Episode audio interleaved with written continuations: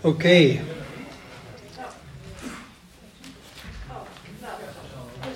Ja, je kan uh, die aantekeningen gebruiken als herinnering voor de afloop ook hoor. Hoef het niet precies te volgen. Ik lees de teksten, en niet al die teksten die daarop staan, maar dan heb je ze zelf om eens na te kijken. En ik volg wel die lijn die daarop staat ongeveer. Maar ik ga wat dieper op bepaalde dingen in, uiteraard. Want vrouwen in de bediening, vrouwen in het ambt is een zaak die niet speelt nu alleen. Maar vanaf het moment dat ik op mijn achttiende tot geloof kwam, kan je nagaan, ik heb niet anders meegemaakt. En het speelt, of het komt steeds ook weer terug. De enige plek waar we daar nooit last van hebben gehad is op het zendingsveld. Op de een of andere manier denkt daar iedereen, mannen en vrouwen doen hetzelfde. En als ik er niet was, sprak mijn vrouw en andersom. En er was nog nooit iemand die daar iets over heeft gezegd. En je deed het samen. Ik heb uh, even laten zien dat onze kerkvaders, niet te verwarren met onze aartsvaders, hè? Abraham, Isaac, Jacob. Onze kerkvaders, die waren bepaald vrouwonvriendelijk. Tertullianus die zei, de vrouw is de poort waardoor de duivel binnenkomt. Augustinus zei, de vrouw is een minderwaardig wezen. In de synode van Macon 585 na Christus, zo lang geleden. Vrouwen zijn geen mensen. Thomas van Aquina, vrouwen, een vergissing van de natuur. Ambrosius, vrouwen, de deur waardoor de duivel tot ons komt. Franciscus van Assisi, wie met een vrouw omgaat, loopt kans op bevlekking van zijn geest. Net zoals iemand die door het vuur loopt op verzengde voetzolen. Nou, die jongens waren dus absoluut vrouwonvriendelijk. En dat is ook een beetje teruggekomen, dat zul je straks merken, in bepaalde vertalingen. Kerkvaders hebben ook veel invloed gehad op bepaalde, latere generatie uiteraard, op bepaalde vertalingen. En wat mij uh, altijd weer opvalt is dat uh, heel veel meningen worden bepaald door twee teksten. Die gaan we straks lezen, maar daar ga ik niet mee beginnen. Ik wil je eigenlijk eerst laten zien wat vrouwen allemaal mochten in bijbelse tijden. Dat leek me een goede invalshoek. Het gaat er vanavond ook niet doen om of ik een mening daarover heb, want ik heb natuurlijk een mening. Maar ik heb daar nog nooit meegemaakt dat daar een kerkscheuring uit zou moeten voortkomen. Ik denk dat het goed is dat wij de dingen die ik vanavond met jullie wil delen ook durven te bekijken en ook kritisch daarop durven te zijn. Dus ik eh, ben niet van plan om alle aandacht te geven aan die twee teksten die de meeste mensen steeds aanvoeren, maar ik ga ze wel behandelen. Maar ik zeg het al, ik wil eerst eens even met jullie door de Bijbel heen wandelen, Oude Testament, Nieuwe Testament, om te kijken naar wat dan wel. Mijn verhaal begint in Exodus 15, waar Mozes een lied zingt ter ere van de Heer. Ze door de zee trekken, weet je nog? En dat Mirjam dan hetzelfde doet. En dat staat in Exodus 15, vers 20. En ik ga wel een aantal teksten voorlezen, zodat je meekomt ook in de teksten. Want het gaat natuurlijk er wel om hoe staat het in je Bijbel en niet hoe zit het in jouw denken. En wat heb je aan elkaar geplakt in je denken en wat heb je losgemaakt in je denken. We moeten wel zo eerlijk zijn dat we de Bijbel durven volgen. Oké, in Exodus 15, vers 20 staat de profetes Mirjam, Aarons zus, pakte haar tamboerijn en alle vrouwen volgden haar dansend en op tamboerijn spelend. Mozes zingt een lied tot de Heer, Exodus 15. Mirjam doet hetzelfde. Mozes wordt gevolgd door mensen. Mirjam wordt gevolgd door mensen. En dat is een begin dat zij daar mannelijk en vrouwelijk al zichtbaar waren. De meest opvallende figuur voor bijna iedereen is Deborah. Deborah, profetes en richteres, leidde het leger van de Heer naar een succesvolle strijd. En daar lees ik even met jullie een stukje over. In Richteren, terwijl rechters in de nieuwe vertaling, hoofdstuk 4, vers 4 tot en met vers 6. En daar staat dit: In die tijd was de profetes Deborah degene die Israël als rechter leidde. Zij was de vrouw van Lapidot. Mooie naam had die man. Ze hield zitting onder de Deborah-palm tussen Rama en Bethel in het bergland van Ephraim. En daar kwamen de Israëlieten haar hun rechtsgeschillen voorleggen. Moet je even voorstellen, zij zat onder die Deborah-palm. Mensen kwamen rechtsgeschillen aan haar voorleggen. Deborah liet Barak, de zoon van Abinoam, afkomstig uit Kedes in Naphtali, bij zich komen. Dus ze laat een man bij zich komen. En ze zegt tegen hem: De Heer, de God van Israël, gebiedt u, trek met 10.000 man uit de stammen Naphtali en Zebulon op naar de Tabor. Goed, mensen kwamen om raad bij deze vrouw, Deborah. En dat is ook een duidelijke zaak. Dan is er nog zo'n vrouw, Hulda, of Gulda in een nieuwe vertaling. Die staat in 2 Koningen 22 vanaf vers 14. 2 Koningen 22 vanaf vers 14. Die Hulda was een profetes en die bevestigde de echtheid van het wetboek dat in de tempel gevonden was. En ze gaf mede aanzet tot de grote godsdienstige hervorming in de dagen van Josia. Ik lees 2 Koningen 22 vanaf vers 14. De hoge priester Silkia, Achikam, Achbor, Safan en Asaja gingen naar de profetes Hulda of Gulda, de vrouw van Salem. Salem was de zoon van Tikwa, de zoon van Garkas, en hij beheerde de priesterkleding. Hulda woonde in het nieuwe stadsdeel van Jeruzalem. Toen ze haar alles verteld hadden, zei Hulda tegen hen: Dit zegt de Heer, de God van Israël. Zeg tegen degene die jullie naar mij toegestuurd heeft: Dit zegt de Heer. Ik zal onheil brengen over deze stad en haar bewoners, precies zoals beschreven staat in het boek dat de koning van Juda heeft gelezen. Hetzelfde verhaal kun je nog eens teruglezen in 2 Kronieken 34 vanaf vers 22. Dan heb je natuurlijk die tekst die jullie allemaal kennen, omdat die door Petrus werd herhaald, Joel 2 vers 28. Bij de uitstorting van de Heilige Geest, zowel uw dienstknechten als dienstmaagden zullen profiteren. Ontvangen ook allemaal dezelfde geest, net als in Handelingen 2, waar de geest ook valt op die 120 mensen in die bovenzaal, mannen en vrouwen. En in ieder van hen hoorde men profiteren, het woord van God doorgeven. Dat was eventjes de overgang Joël naar Petrus, naar het Nieuwe Testament. En ook de gemeente in het Nieuwe Testament, daar zie je vrouwen die een bediening hadden. Denk aan Tabitha, oftewel Dorcas. Die wordt hier in de tekst een discipelin of leerlinge genoemd en had een bediening om te helpen. Je vindt deze Tabitha of Dorcas in Handelingen 9, vers 36. In Joppe woonde een leerlinge die Tabitha heette. In onze taal is dat Dorcas. Ze deed veel goeds voor anderen en gaf vaak geld aan de armen. Let even op dat woordje diakones, discipelin, leerlingen. Dat komt dienen, dat dienen komt steeds terug. Dat woordje moet je wel even in de gaten houden.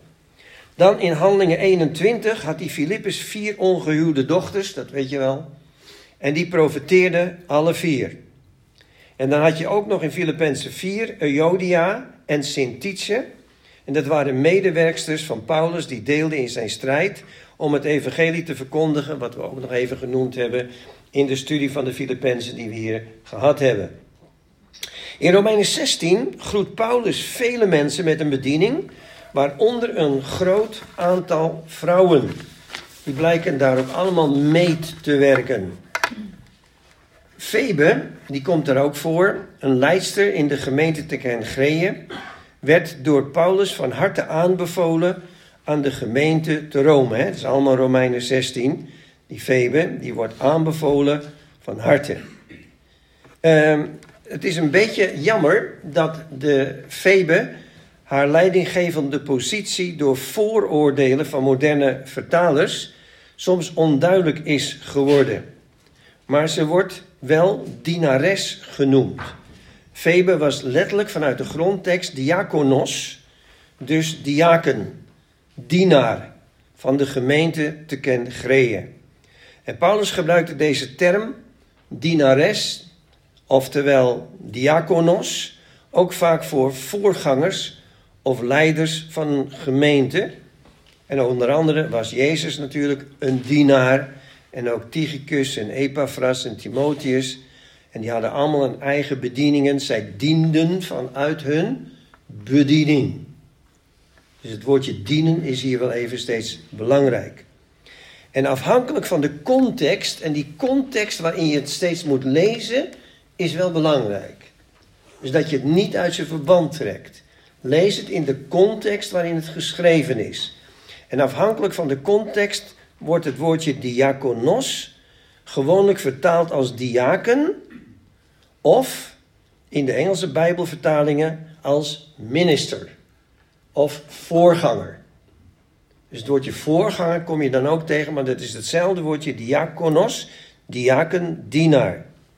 Sommige vertalers hebben gekozen voor diakones, omdat Febe een vrouw was, maar de oorspronkelijke Griekse tekst kent dat onderscheid niet.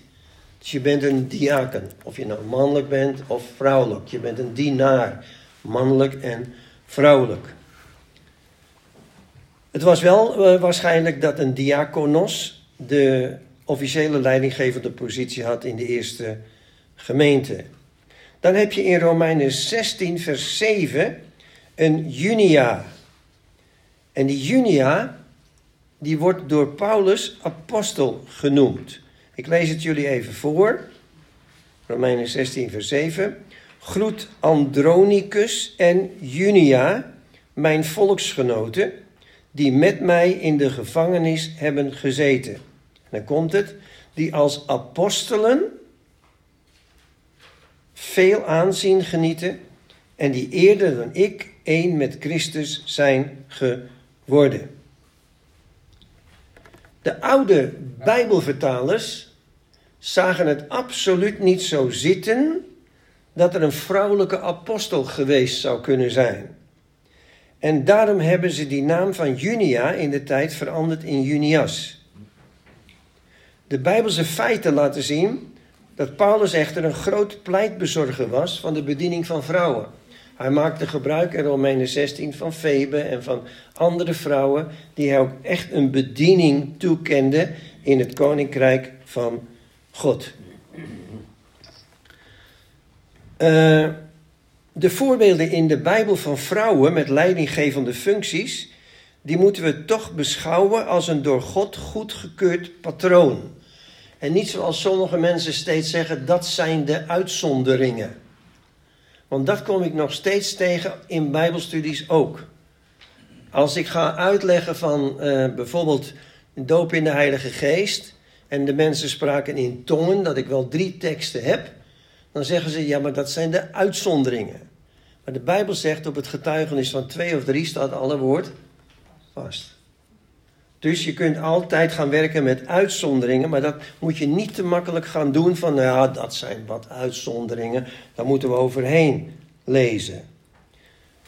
Ik geef meteen toe dat in de schrift slechts een beperkt aantal vrouwen leidinggevende functies hadden, maar ze hadden toch kennelijk wel de goedkeuring ook van God. En nu gaan we naar de wat lastige teksten. En naar het probleem komen we dan geleidelijk, waar we eigenlijk wel meestal mee te maken hebben. In 2 Timotheus 2, vers 2.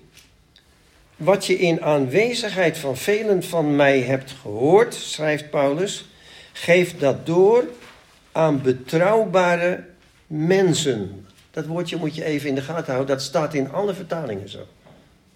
Dus niet mannen wat je van mij gehoord hebt, geef dat door, 2 Timotheus 2 vers 2, aan betrouwbare mensen die geschikt zijn om anderen te onderwijzen. Hier wordt bewust het woordje mensen gebruikt. Als je naar Hebreeën 5 gaat, vers 11 en 12, daar zie je nog iets. Naar de tijd gerekend, en dat gaat ook tegen mannen en vrouwen, hadden wij allen leraars moeten zijn. Dus alle geestvervulde gelovige leraars moeten zijn. In 1 Petrus 2, vers 5 tot 9 gaat het over de gelovigen die vormen samen een heilige priesterschap. Een volk goot het eigendom. Maar hou even vast, een heilige priesterschap. En de priesterdienst houdt ook in spreken. Dat moet je ook even meenemen als je wilt. In Handelingen 1, vers 14 en 15 waren mannen en vrouwen eendrachtig bijeen. En de Heilige Geest kwam op hen allen. In 1 Korinthe 14, vers 26, profetische woorden. Wij zeggen vaak: een vrouw mag niet leren. Maar wat staat er in 1 Korinthe 14, vers 26? Ik zal laten zien die vrouwen wel mogen profiteren, maar dat weten jullie al. Wat is er met die profetie daar? Opdat allen lering ontvangen door profetie. Vrouwen en mannen profiteren allebei. In Romeinen 12, vers 6 is bij de gave van de geest ook een gave van onderwijs. Romeinen 12, vers 6 tot en met vers 8 is een van de geest. Daar gaat het over wie profeteert, wie onderwijs geeft, wie dient, enzovoort, enzovoort. Die vallen allemaal daaronder met mensen die ook een bediening hebben. Nog iets belangrijks is, bij Aquila en Priscilla zie je dat mannen en vrouwen samen in een bediening kunnen zijn. Maar dat is niet zo'n punt vaak om op in te gaan. Maar bij Aquila en Priscilla zie je in Handelingen 18, in meerdere versen, dat ze samen dus in de bedieningen staan. En in Titus 2, vers 3 tot 5 zie je dat oudere vrouwen kunnen jongere vrouwen en kinderen onderwijs geven en leren. En waarschijnlijk hebben we dat ook gebruikt voor zondagschool enzovoort. En misschien ook voor andere dingen. Maar als je de Bijbel leest, dan zie je dat God gebruikte vrouwen, Rode, Priscilla, Dorcas, Lydia, Rahab, Oude en Nieuwe Testament. Waar zit nou het probleem waar we steeds op stuiten? Want daar ligt eigenlijk de hamvraag. Het probleem waar we steeds op stuiten is dat de brieven van Paulus zijn ad hoc. Dat betekent dat we wel de antwoorden lezen op gestelde vragen, maar we kennen de vragen niet. Dus wat u leest is een antwoord op een vraag. Vandaar dat u in verwarring kunt raken, want in 1 Korinthe 14, daar staat, we gaan het zo lezen, dat vrouwen moeten zwijgen in de gemeente. Maar in 1 Korinthe 11 staat dat vrouwen mogen profiteren en bidden hardop in de gemeente. En het een gaat over een andere situatie dan het andere. Haal je dat uit zijn verband, dan ben je dus eigenlijk verkeerd bezig. Dus laten we dat even uitvoerig gaan bekijken. 1 Korinthe 14, vers 34, 35 moeten vrouwen zwijgen in de gemeente. In 1 Korinthe 11 mogen ze hardop bidden en profiteren in de gemeente. Alleen in 1 Korinthe 11 ligt de nadruk op de hoofdbedekking van de vrouw en van de man. Nou, dat is even het verschil.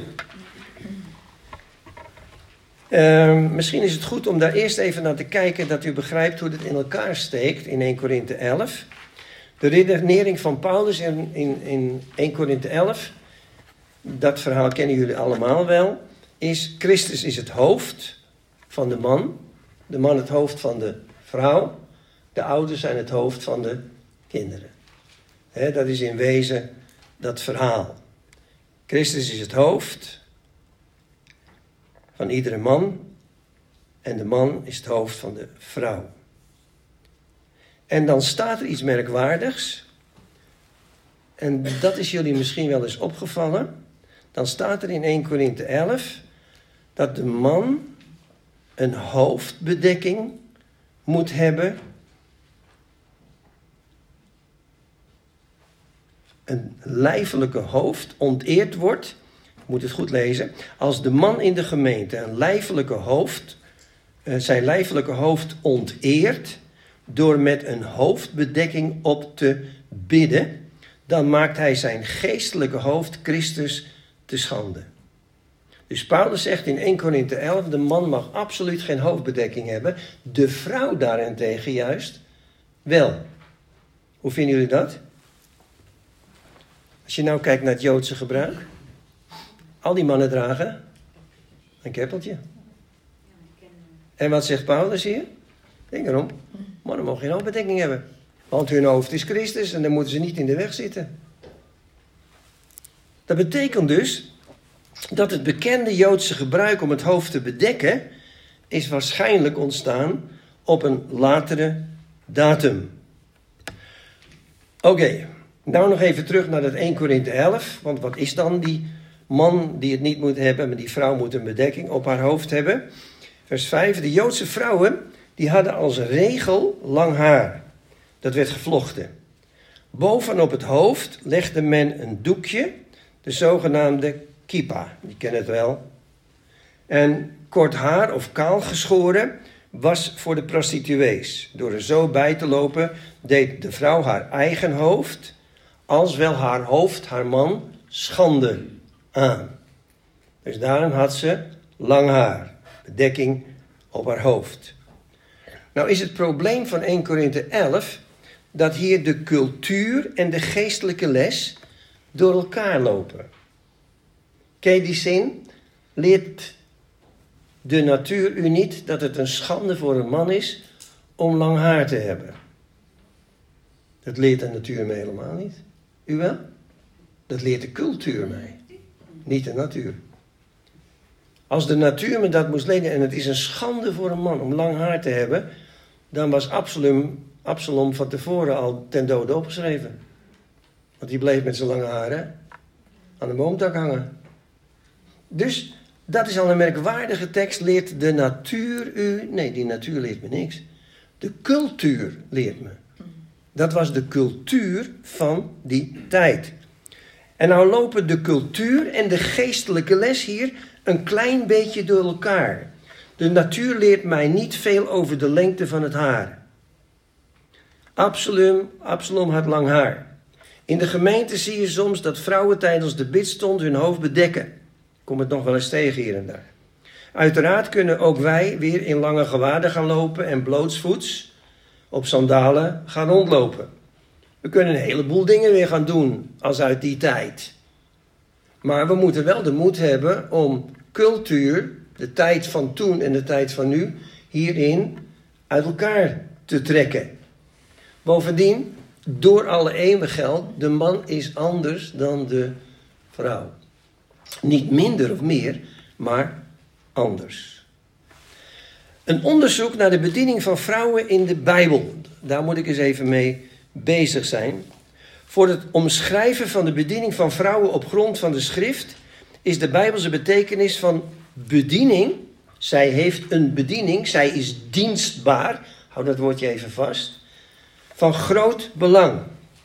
Van Jezus Christus bijvoorbeeld, die ons grote voorbeeld is, wordt gezegd, want ook de mensenzoon is niet gekomen om gediend te worden, maar om te dienen. En zijn leven te geven als losgeld voor velen. Marcus 10, vers 45. In het Nieuwe Testament wordt de geestelijke leider afgeschilderd als een dienaar. Jezus ging ons voor op die weg. En zowel vrouwen als mannen worden dienaren genoemd. De vraag over het menselijk gezag is niet van primaire betekenis, hoewel deze vanzelfsprekend een rol gaat spelen wanneer organisatie en structuur zich beginnen te ontwikkelen. Dan ineens krijg je ook van, maar ja, maar dat zijn we zo niet gewend. Nou even de gedachte achter een aantal dingen. Als je teruggaat naar Genesis 2 vanaf vers 18, dan zijn er een aantal uitleggers van de Bijbel die bij voorbaat vanuit die tekst stellen dat iedere vrouw ondergeschikt behoort te zijn aan een volwassen man. Waarom? Omdat Eva na de man was geschapen om zijn hulp te zijn. Dus de man is altijd hoger dan de vrouw. De vrouw is een hulp. Alleen is hier een probleem. Het woordje, Hebreeuwse woordje in de Hebreeuwse Bijbel voor hulp is ezer. En dat woordje wordt nooit gebruikt in een ondergeschikte betekenis. Een hulp is nooit automatisch een ondergeschikt iemand. 17 van de 20 maal dat het woordje ezer gebruikt wordt, verwijst het naar de hulp van God. God is de ezer, de hulp. Zonder zijn hulp, ezer, kun je niet bestaan. De vrouw is de hulp van de man. Hij kan het niet alleen. Zij hebben elkaar nodig. Eva werd dus niet geschapen als een ondergeschikt wezen, maar als een passende hulp. Een ezer. Iemand die onmisbaar is om te functioneren. Of andere vertaling, gelijkwaardig aan de man Adam. Er zijn ook mensen die beweren dat God man en vrouw schiep met verschillende kenmerken en verlangens. En dat deze verschillen de reden zijn dat vrouwen uit leidinggevende functies geweerd moeten worden. Maar dat is hun mening. Niet gebaseerd op iets in de Bijbel. Andere schrijvers hebben geschreven de, dat de verschillen er zijn en die zijn te wijten aan de cultuur en de verwachtingen van de maatschappij die kinderen vanaf de geboorte tot aan het volwassen zijn als norm opgelegd krijgen. Dus de vrouwen krijgen als norm altijd opgelegd dat kinderen door hen verzorgd moeten worden. Dan is er nog een groep die zegt we kijken alleen naar de lichamelijke verschillen en een onderscheid in biologische functies en die zijn duidelijk. Maar als geslachtsverschillen als reden worden aangevoerd om leiderschap te beperken, dan berust dat op vooronderstellingen. Want dat heeft daar dan weer niets mee te maken.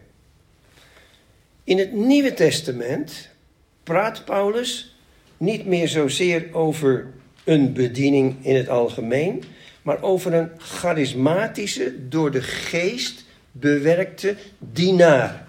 Of dat nou een diakones is of wat dan ook. En de bediening in het Nieuwe Testament is dan ook charismatisch van aard. Is altijd gekoppeld aan de werking van de Heilige Geest. Dus God werkt met zijn geest door mannen en door vrouwen. Waarbij wij in Christus allen zonen Gods zijn. Dus de geest werkt door mannen en vrouwen. Maakt niet meer uit of dat een man of een vrouw is in eerste instantie. Beide kunnen door de geest aan het dienen worden gezet. En de Heilige Geest is daarin soeverein. Dat zie je ook bij de geestesgaven. Mannen en vrouwen zullen profiteren.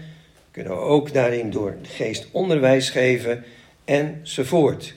Dus het werk van de geest geeft ook dat er een bediening, een dienstbaarheid tevoorschijn kan komen in het lichaam van Christus.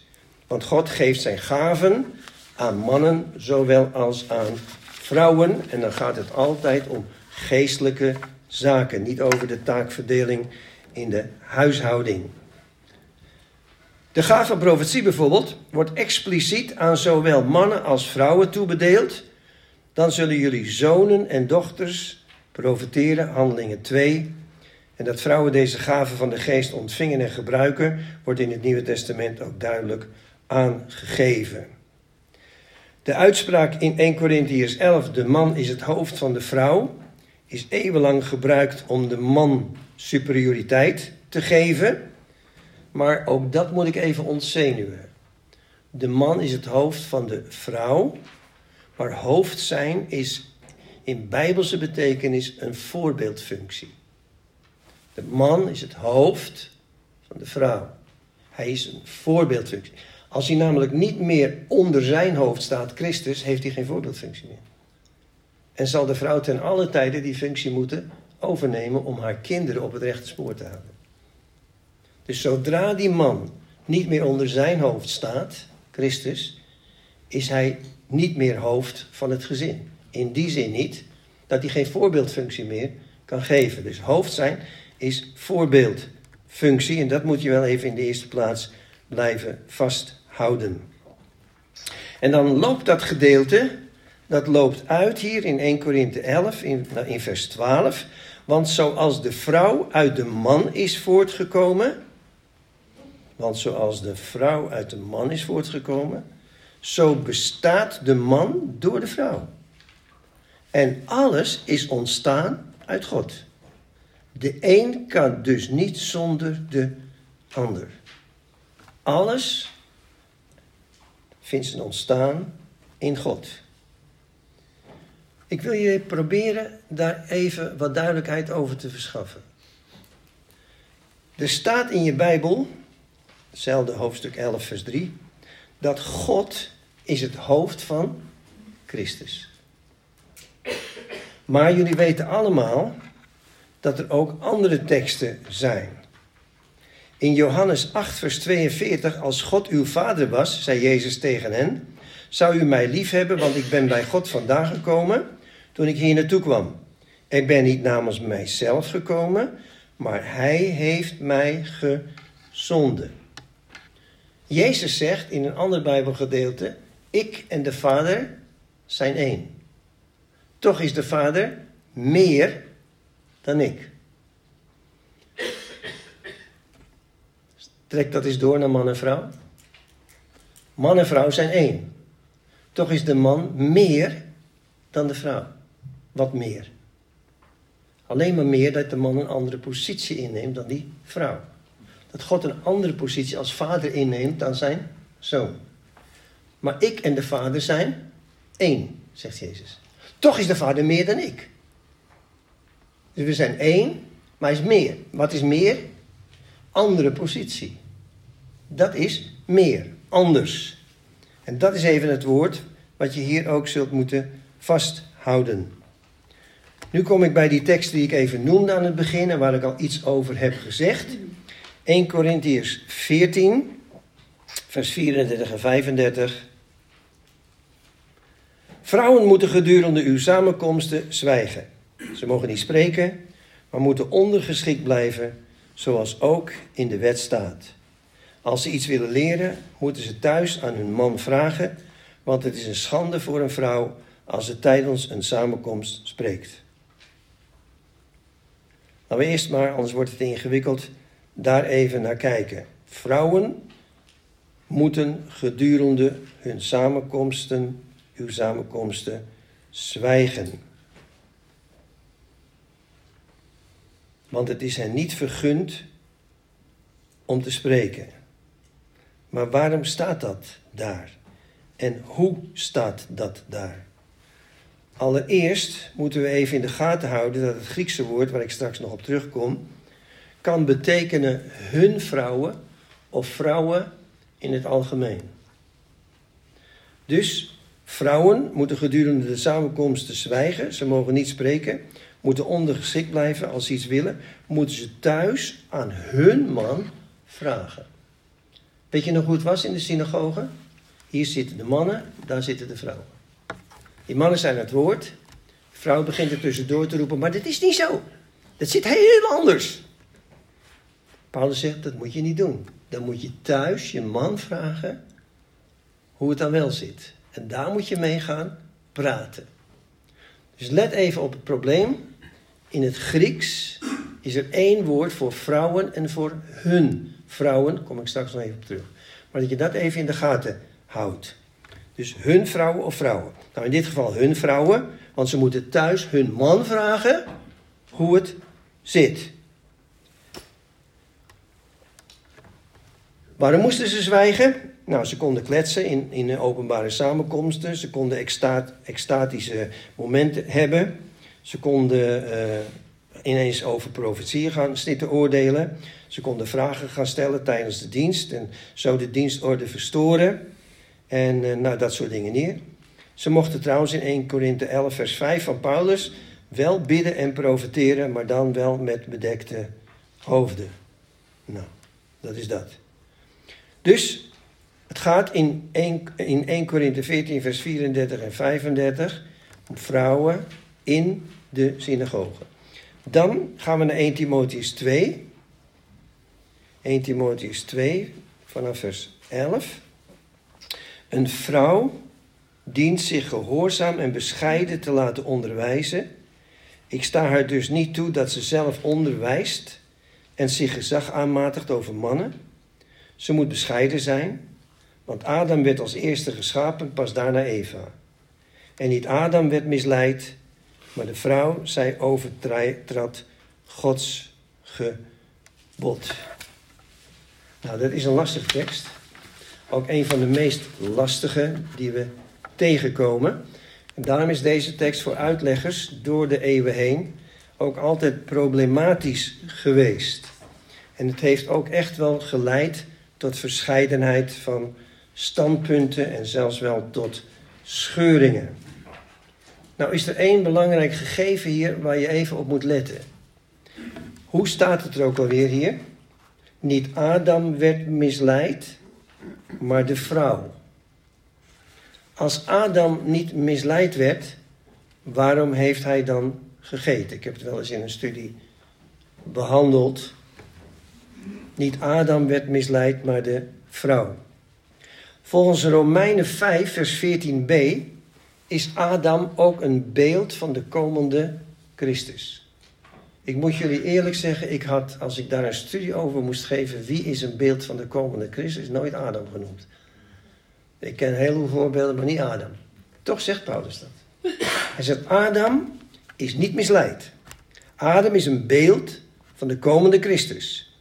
In Lucas 3 eindigt het geslachtsregister van Jezus met Adam, de zoon van God.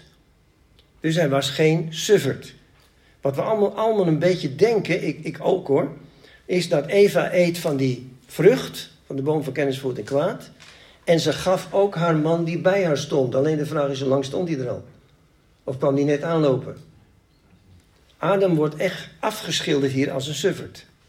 Stond erbij en ik keek ernaar. En dan zegt Paulus, ja, maar Adam was een beeld van Christus.